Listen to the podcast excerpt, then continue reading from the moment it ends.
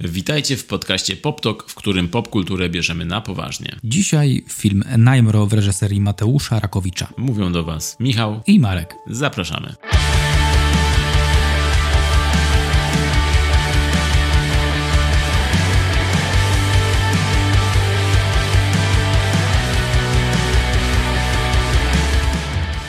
Film Najmro w reżyserii Mateusza Rakowicza to już powiedzieliśmy. Powiedzieliśmy to, ale powtórzmy to jeszcze raz. Jest to film Najmro w reżyserii Mateusza Rakowicza. Rakowicza, cza, cza, cza.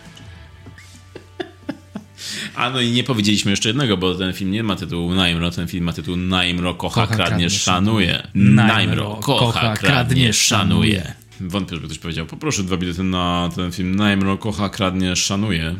W reżyserii Mateusza Rakowicza z Dawidem Ogrodnikiem, Robertem Więckiewiczem i... Dobra, dobra, dwa normalne. Dwa normalne, masz, idź. No Mamy... i co myślisz? Co myślisz? o no tym? właśnie, co, myślisz? Michał? Co myślisz, Marek? Co myślisz, Co Marek? myślisz? Co myślisz? Bo w ogóle Tak. to to jest based on live events, true events inspired by true events. Inspired, no tak jak powiedział reżyser, jest to tylko inspirowane, bo jest to jak według jego obliczenia około 10% prawdziwej historii, a reszta wymyślona na potrzeby filmu. Hmm, usłyszałeś nawet 10%, ale it is somehow a wariacja taka biograficzna, co nie? Mamy temat, mamy jakąś postać i wokół tego sobie budujemy. Nie tak daleko od prawdy w sumie, ale urozmaicamy różnymi wydarzeniami i to jest attractive. Tak, jest to bardzo fajny sposób na robienie biografii. A biografii u nas w Polsce ostatnio jak grzybów po deszczu. I myślę, że to jest lepszy sposób na robienie biografii. Znaczy, no nie wiadomo, nie zawsze, no bo taki jak, nie wiem, Religa, Bogowie, to była bardzo dobra biografia. Ale tutaj, kiedy mamy do czynienia z komedią kryminalną, komedią akcji, to jest no super, że można sobie tak poimprowizować trochę, tak polecieć, nie? E, Na freestylu. I tutaj to bardzo pasuje, szczególnie do postaci, jaką jest właśnie Zdzisław Najmrocki, pseudonim Najmro, Kocha, kradnie, szanuje. w reżyserii Mateusza Rakowicza. Dwa normalne poproszę. Dobrze, no to Marek, powiedz mi. Zdzisław Najmrocki, czyli postać prawdziwa. To jest to, jesteśmy w tych 10%. Tak. Człowiek, który pobił rekord chyba świata w ucieczkach organom ścigania. 29 razy uciekł. Wszystko, wszystko bez smartfonów i Z głowy wszystko. wszystko w głowie i wszystko się działo za czasów PRL-u, stalinizmu, głębokiej dupy polskiej. A Najmrocki się bawi tym systemem. On sobie manewruje, lawiruje i inne słowa, których nie użyję teraz, bo nie znam, bo nie znam rymu. Wszystko tam działa i Najmro jest kozakiem. Jest przystojnym kozakiem, który wyrywa Tereski tak. Tak jest. No, skoro jesteś Dawi- Dawidem, Davidem Ogrodnikiem, chciałem powiedzieć David Gardner. Słusznie. Tak, pan, pan Dawid Ogrodnik tutaj e, całkiem brawurowo gra e, tego Najmrockiego. No i no, cały film można powiedzieć, że jest brawurowy, bo może zacznijmy właśnie tak jak powiedziałeś od samej postaci Najmro, czyli e, prawdziwy przestępca z czasów PRL-u, który jest tutaj tak przedstawiony jako taki, jako postać romantyczna, taki, taki przestępca gentleman. Yeah.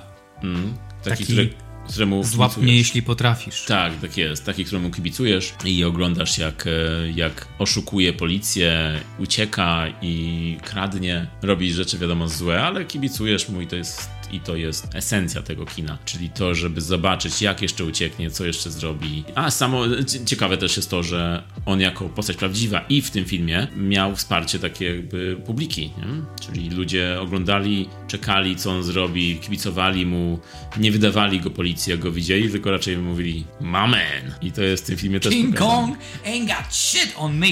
No myślę, że tak nie powiedział dokładnie, ale jest to dobrze pokazane i bardzo pasuje do konwencji. Do konwencji, właśnie porozmawiajmy o konwencji. Bo jest to kino gatunkowe. Właśnie, jeśli chodzi o ten gatunek, no to u nas w kraju nie ma takiego nie ma takiej długiej historii, jeśli chodzi o komedię kryminalną, komedię akcji. A w ogóle jeśli chodzi o taki pozytywne filmy o przestępcach, pozytywne takie fajne filmy o przestępcach, no to co to mogło być u nas? Jest to gatunek obarczony zazwyczaj jakąś taką winą, poczuciem, e, poczuciem takiej, takiego dramatu, nie? że to jest, on może kradnie, może jest, ma wsparcie, może ludzie go lubią, ale na koniec go dorwią i ukatrupią, powieszą na haku jeszcze. Wiesz co, jest, jest jeszcze taka produkcja sensacyjna, M jak miłość, scena, w której Małgorzata Korzuchowska wjeżdża w kartony, to mógłby być taki odpowiednik, taki polski jest, Edgar Wright, czyli... właśnie tak. A, polski Baby Driver. Małgorzata Korzuchowska to jest polski Baby Driver.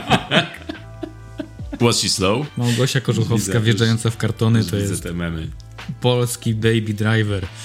Więc jest to jakaś konkurencja i nadal jest, pozostaje jest. w konwencji. Jest. Ale jeśli mówimy, na przykład już zostawmy seriale, no wiadomo, że jakimś jest poza konkurencją, to jeśli mówimy o filmach, no to na przykład to takie filmy jak Wielki Szu czy Zabij mnie glino, to były takie filmy raczej dramatyczne, pokazywane, pokazywały, że przestępcy są, potrafią być cool, ale na końcu jednak jest ten dramat, jest ta dojmująca rzeczywistość ich dopada i ty. A, albo z drugiej strony, jeśli u nas były takie filmy o przestępcach, to na przykład były takie zrzynki z Hollywood, takie jak film Sara Macieja Siesickiego, w którym no, byli, była pokazana mafia i byli pokazani bardzo też tak atrakcyjnie hollywoodzko, ale no, była to ewidentnie jakaś kalka takich filmów hollywoodzkich. Taki film, czyli w stylu, no tak jak już się porównuje, Gaja Ricciego, Edgara Wrighta, taki błyszczący, kolorowy, dużo atrakcyjnych ujęć, dużo dobrej muzyki, dużo fajnych żartów, dialogów. No to nie, nie, nie mamy takiego czegoś na co dzień w Polsce.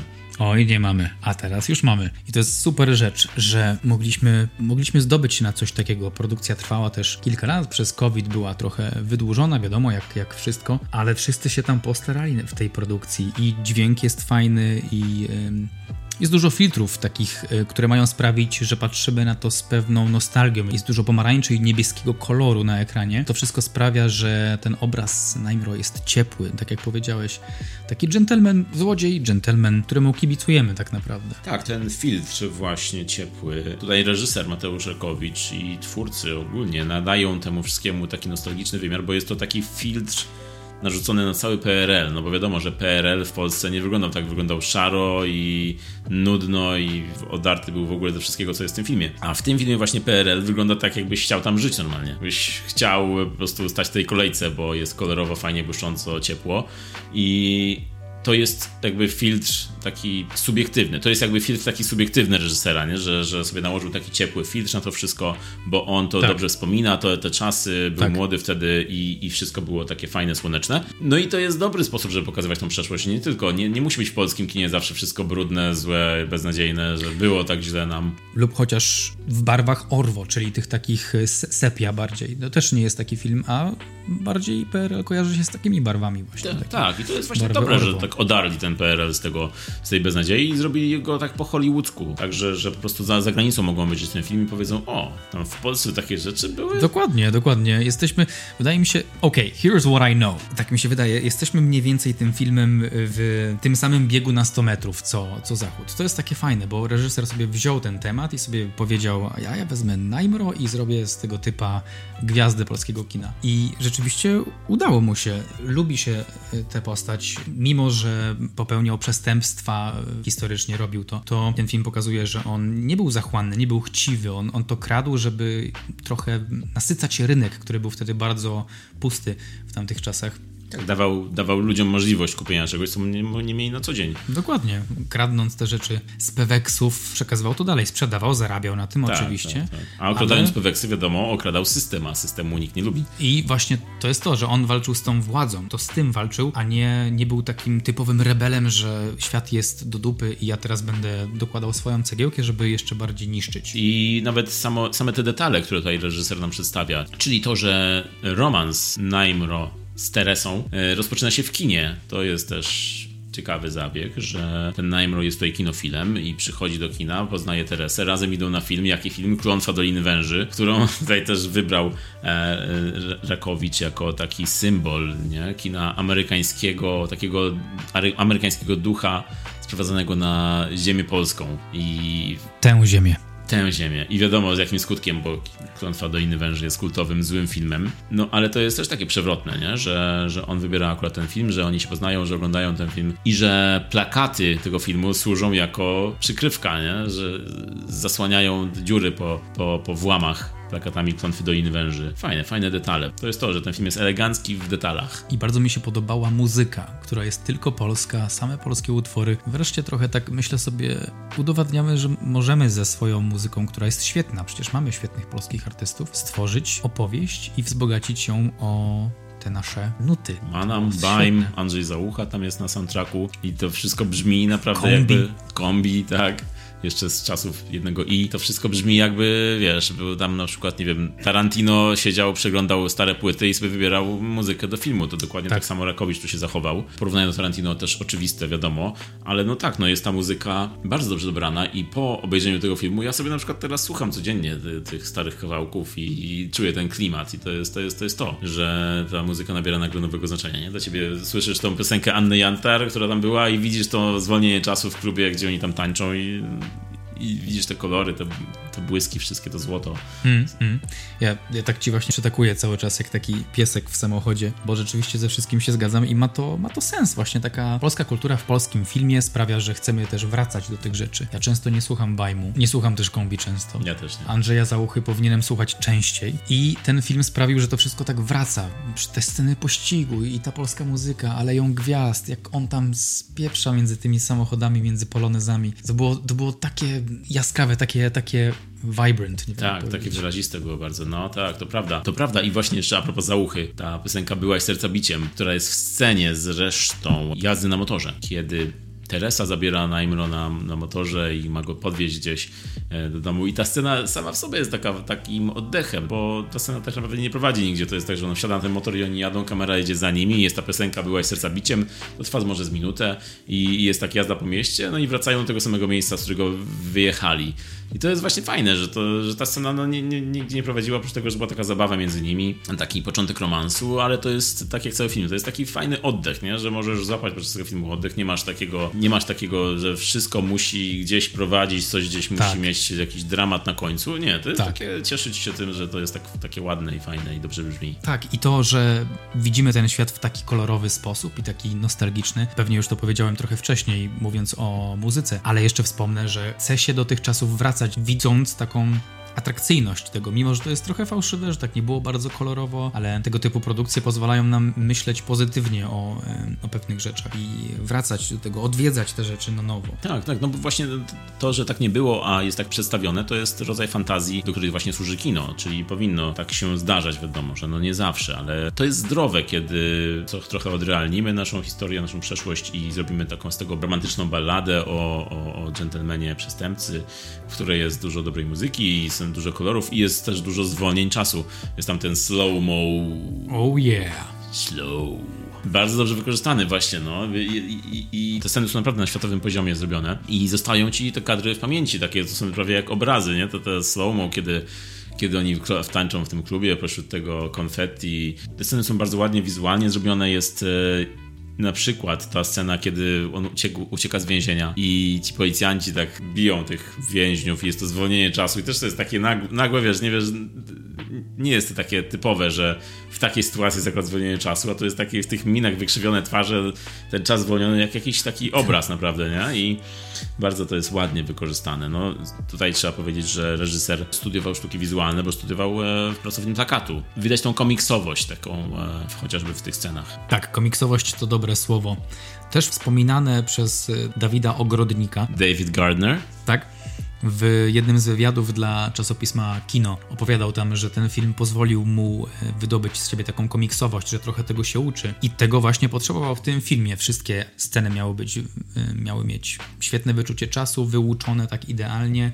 Było mało miejsca na improwizację, to miała być sylwetka, miała być postać. I tego też się uczył na, na planie tego filmu. Nie był przekonany do tej roli Dave Gardner, i sam w siebie nie wierzył, natomiast e, przy pomocy też ekipy filmowej i ludzi na planie w końcu uwierzył w siebie chłopaki bardzo dobrze. Tak, bo to nie jest taka typowa rola z jego, e, z jego filmografii, czyli, czyli on, on często grywa w biografiach, ale to są bardziej takie hollywoodzkie biografie oscarowe, kiedy ktoś, wiesz, albo od zera do bohatera, albo od bohatera do zera, przejmujące bardziej filmy, a tutaj jest film, którym, którego bohaterem jest gość, który ma praktycznie jedną cechę, i nie ma jakiejś zmiany w nim dużej, tylko od początku do końca jest cool dude, który łamie serca, ma, wyznaw, ma swoich fanów i jest takim PR-owskim celebrytą.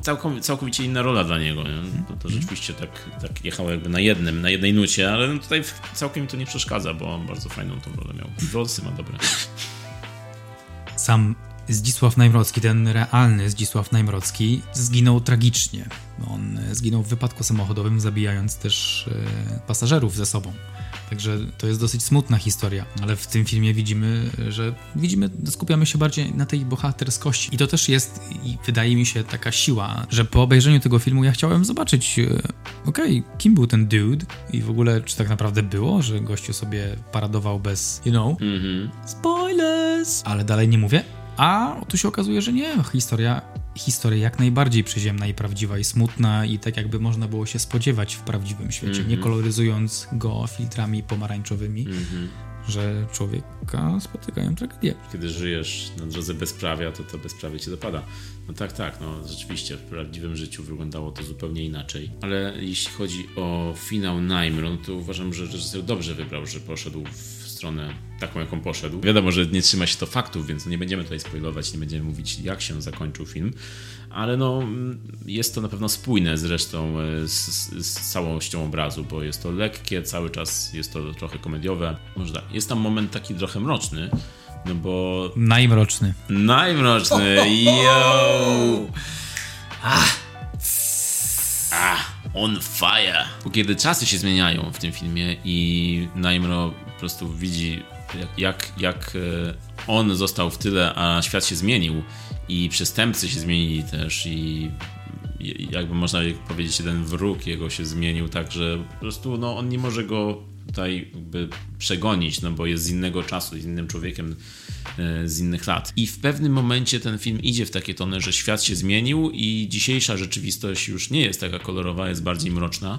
I to można odczuć rzeczywiście, ale później na koniec znowu wszystko wraca do tych słonecznych barw, nostalgicznych filtrów i wąsów. True that. A oprócz Dawida Ogrodnika... Grała Lady Gaga. Lady, oprócz Dawida Ogrodnika myślę, że rolą, która naj, naj, najbardziej pozostała ze mną w pamięci to jest Robert Więckiewicz. Czyli Barski. Tak, Barski. Robert Więckiewicz w tej swojej perelowskiej fryzurze z papierosem na wardze i w tej skórzanej kurtce robi duże wrażenie. Jest taki macho z lat 80., który prędzej, wiesz, e, prędzej walnie cię w twarz niż zada pytanie, ale jest takim psem pościgowym, takim dobrym śledczym, który po prostu siedzi, aż nie wytropi Najmro i mimo, że wszyscy na komisariacie go nie lubią za to, że dokładał im pracy, to on jest taki, że ma swój cel i musi ten cel osiągnąć. Tam między nimi taka, jest trochę taki paralelizm tutaj, że z jednej strony mamy Najmro, czyli króla ucieczek, a z drugiej strony mamy Barskiego, czyli króla łapanek i oni próbują gdzieś się przeciąć w tej linii. I być jest... może coś tam następuje między nimi dalej, może coś tam jest więcej, jakieś, jakieś tworzy się jakaś więź e, albo się łączą te losy, tego już nie powiemy. Jest też y, Ujma, czyli Rafał Zawierucha. Zawierucha teraz po sukcesie pewnego razu w Hollywood i roli Polańskiego grywa u nas, trzeba powiedzieć, takie role drugoplanowe, zabawne całkiem. To, co Zawierucha tam e, robi w tle, szczególnie jak niesie te herbaty, i to jest e, tak, całkiem zabawne. Jeszcze jeśli chodzi o rolę, to jest też Marta Wągrodzka w roli Tereski. No mi się podobała Marta Wągrodzka. Dobrze się ją ogląda na, na ekranie. Rzeczywiście, no łudząco przypomina rolę z rolę Lady Gagi z y, Narodzin Gwiazdy. No bardzo, po prostu nie mogłem przestać o tym myśleć, ale podobał mi się jej pazur, to jak pokazywała swoją y, kobiecość w tej relacji, swoją stopę jak... Swoją stopę pokazywała? to chyba o Tarantino. I podobało mi się jak y, tupała nogą w relacji z, ze Zdziśkiem. Nikt nie powiedział do niego z dzisiaj przez cały Dzisiu, film. bo wszyscy mówili Najmro. No Ale właśnie. mama mówiła do niego jakoś tam z, z dzisiaj, nie mówiła z Albo, albo Z chociaż. Z z dead. Ale tak, Marta Wągrodzka ma tu rolę, która no, nie jest taka typowa, bo jest to silna kobieta, nie jest to tylko tło dla głównego bohatera, takie żeby taki ozdobnik, nie? Kwiatek e, przy, przy garniturze tylko jest to silna kobieta, która ma po prostu wymagania wobec niego, która stawia mu wiele warunków i to jest postać mm, która dużo zmienia w fabule, bo przez nią po prostu się zmieniają losy Najmro. E, także jest to postać na nasze czasy, można powiedzieć. To nie jest, nie jest tylko tło, nie jest tylko ozdobnik. No to tutaj w opozycji stoi Olga Bołądź, która pojawiła się jako piosenkarka i właśnie jako taka towarzyszka Najmro, chwilowa zresztą. I jest jeszcze Jakub Gierszał, też dobra rola, szczególnie w drugiej połowie filmu, kiedy no, zmieniają się czasy i zmienia się też on. I, I można uwierzyć, ja uwierzyłem na przykład w tą jego rolę, w tą jego postać takiego nakoksowanego gościa, po którym możesz się spodziewać wszystkiego, a tak naprawdę w ogóle nie możesz się spodziewać, co się stanie zaraz. Uwierzyłem w to, tak. Pamiętam takich e, gości z mojego dzieciństwa, którzy Wow, wait a fucking minute. chodzili po osiedlu i wiesz, patrzyłeś i nie wiedziałeś, czy masz przejść obok niego, czy nie, bo nie wiedziałeś, czy wiesz, nie zaraz ci z bańki nie da. Michał, masz jakieś powiązania z mafią? Łódzką ośmiornicą? Coś? Mm, Nie mogę powiedzieć. Mm, Nie mogę powiedzieć, bo wszyscy nie żyją. To było, to, no, to mnie przeraziło. Powiem ci, Dobra. zostało z tobą jeszcze sporo Tak. przeszłości. Stało razem z tą blizą na oku. Dlatego te siwe włosy, tyle stresu. I nie wiem, czy pamiętasz, możemy to powiedzieć chyba, bo to było podczas sesji Q&A. Pan Mariusz Ostrowski chciał bardzo grać Najmro, ponieważ on gra Najmro w teatrach. W teatrze. Jednocześnie w kilku. On gra w teatrach, Michał. To jest coś jak w internetach. On gra w teatrze rolę Najmro i jak dowiedział się, że powstaje film, to chciał, chciał tę rolę, ale chyba odezwał się za późno, tam jakieś były sytuacje. W każdym razie Mateusz Rakowicz opowiadał, że Mariusz Ostrowski bardzo chciał tę rolę, ale Dawid Ogrodnik był już obsadzony na bardzo wczesnym etapie, więc jedyna rola, jaka była dostępna dla Mariusza Ostrowskiego, to była rola policjanta, który pojawia się w pewnym momencie, ale i z tej małej rulki Mariusz Ostrowski był zadowolony, bo po prostu cieszył się, że jest częścią projektu, który nazywa się Najmro. Kocha, kradnie, szanuje W reżyserii Mateusza Rakowicza. Ale właśnie a propos Mateusza Ostrowskiego, to ja tutaj widzę, widzę straconą szansę, bo według mnie on powinien zagrać Najmro. Wiesz gdzie? Powinien zagrać w tej rekonstrukcji zdarzeń w 997. A, no, tak, tak. To byłoby super. W tej peruce uciekającego przez, przez okno, albo jako ta kukła wypadająca z okna. Tak, jako ta kukła, która łamie się na chodniku. Ta rekonstrukcja była bardzo fajna, bardzo zabawna i z wspomnień moich z, z programu 997 to rzeczywiście podobnie wyglądały te rekonstrukcje. I tutaj ukłon w stronę reżysera, że to zrobił. I w stronę autora muzyki, Smolika, który słyszałeś, że Smolik zrobił, oprócz tego zrobił bardzo dobrą muzykę do tego filmu, stworzył czołówkę do 997, muzykę z czołówki, której nie można było użyć, a Smolik odtworzył ją w taki sposób, że ja, ja słuchając myślałem, że to jest ta muzyka właśnie. Oryginalna, tak, To jest tak. oryginalna. Tak ją zrobił. Także tak, no 997, em, który odgrywa tu zresztą większą rolę, bo jest w kilku momentach, e, kiedy, kiedy e, relacjonują ucieczki Najm z więzienia i, i robią wywiady z policjantami ścigającymi go. Bardzo fajne sceny, bardzo zabawne. No tak jak powiedziałeś, ukłon w stronę reżysera. Myślę, że dużo ukłonów należy się Mateuszowi Rakowiczowi za to, że ten film powstał i też całej ekipie, bo to naprawdę dobrze wyszło. Dobrze wyszło światowo, może lecieć do innych krajów i myślę, że z powodzeniem tam może znaleźć też fanów. Dobrze, to co? Może podsumowując, Marek, jak oceniasz Najmro? Kocha, kradnie, szanuje. Moja ocena Najbro to nine, Najnro? Najnro. Yo. Dobrze, bardzo, dobry, bardzo się e, cieszę z tej gry słownej. bardzo dobre to było. E, moja ocena natomiast to jest e, 8. Film bardzo dobry i komentarz mogę tutaj powiedzieć taki jak, jak e, ekranowy Najmro na koniec filmu, czyli Dawid Ogrodnik, kiedy powiedział o filmach, które lubi i mówił no takie, żeby się gonili, żeby się działo, jakaś strzelaninka, no i miłość musi być. I to wszystko właśnie jest. W takim razie dziękujemy bardzo za uwagę, kłaniamy się nisko i słyszymy się w następnym nagraniu. Do zobaczenia, usłyszenia Mówili do Was Marek i Michał.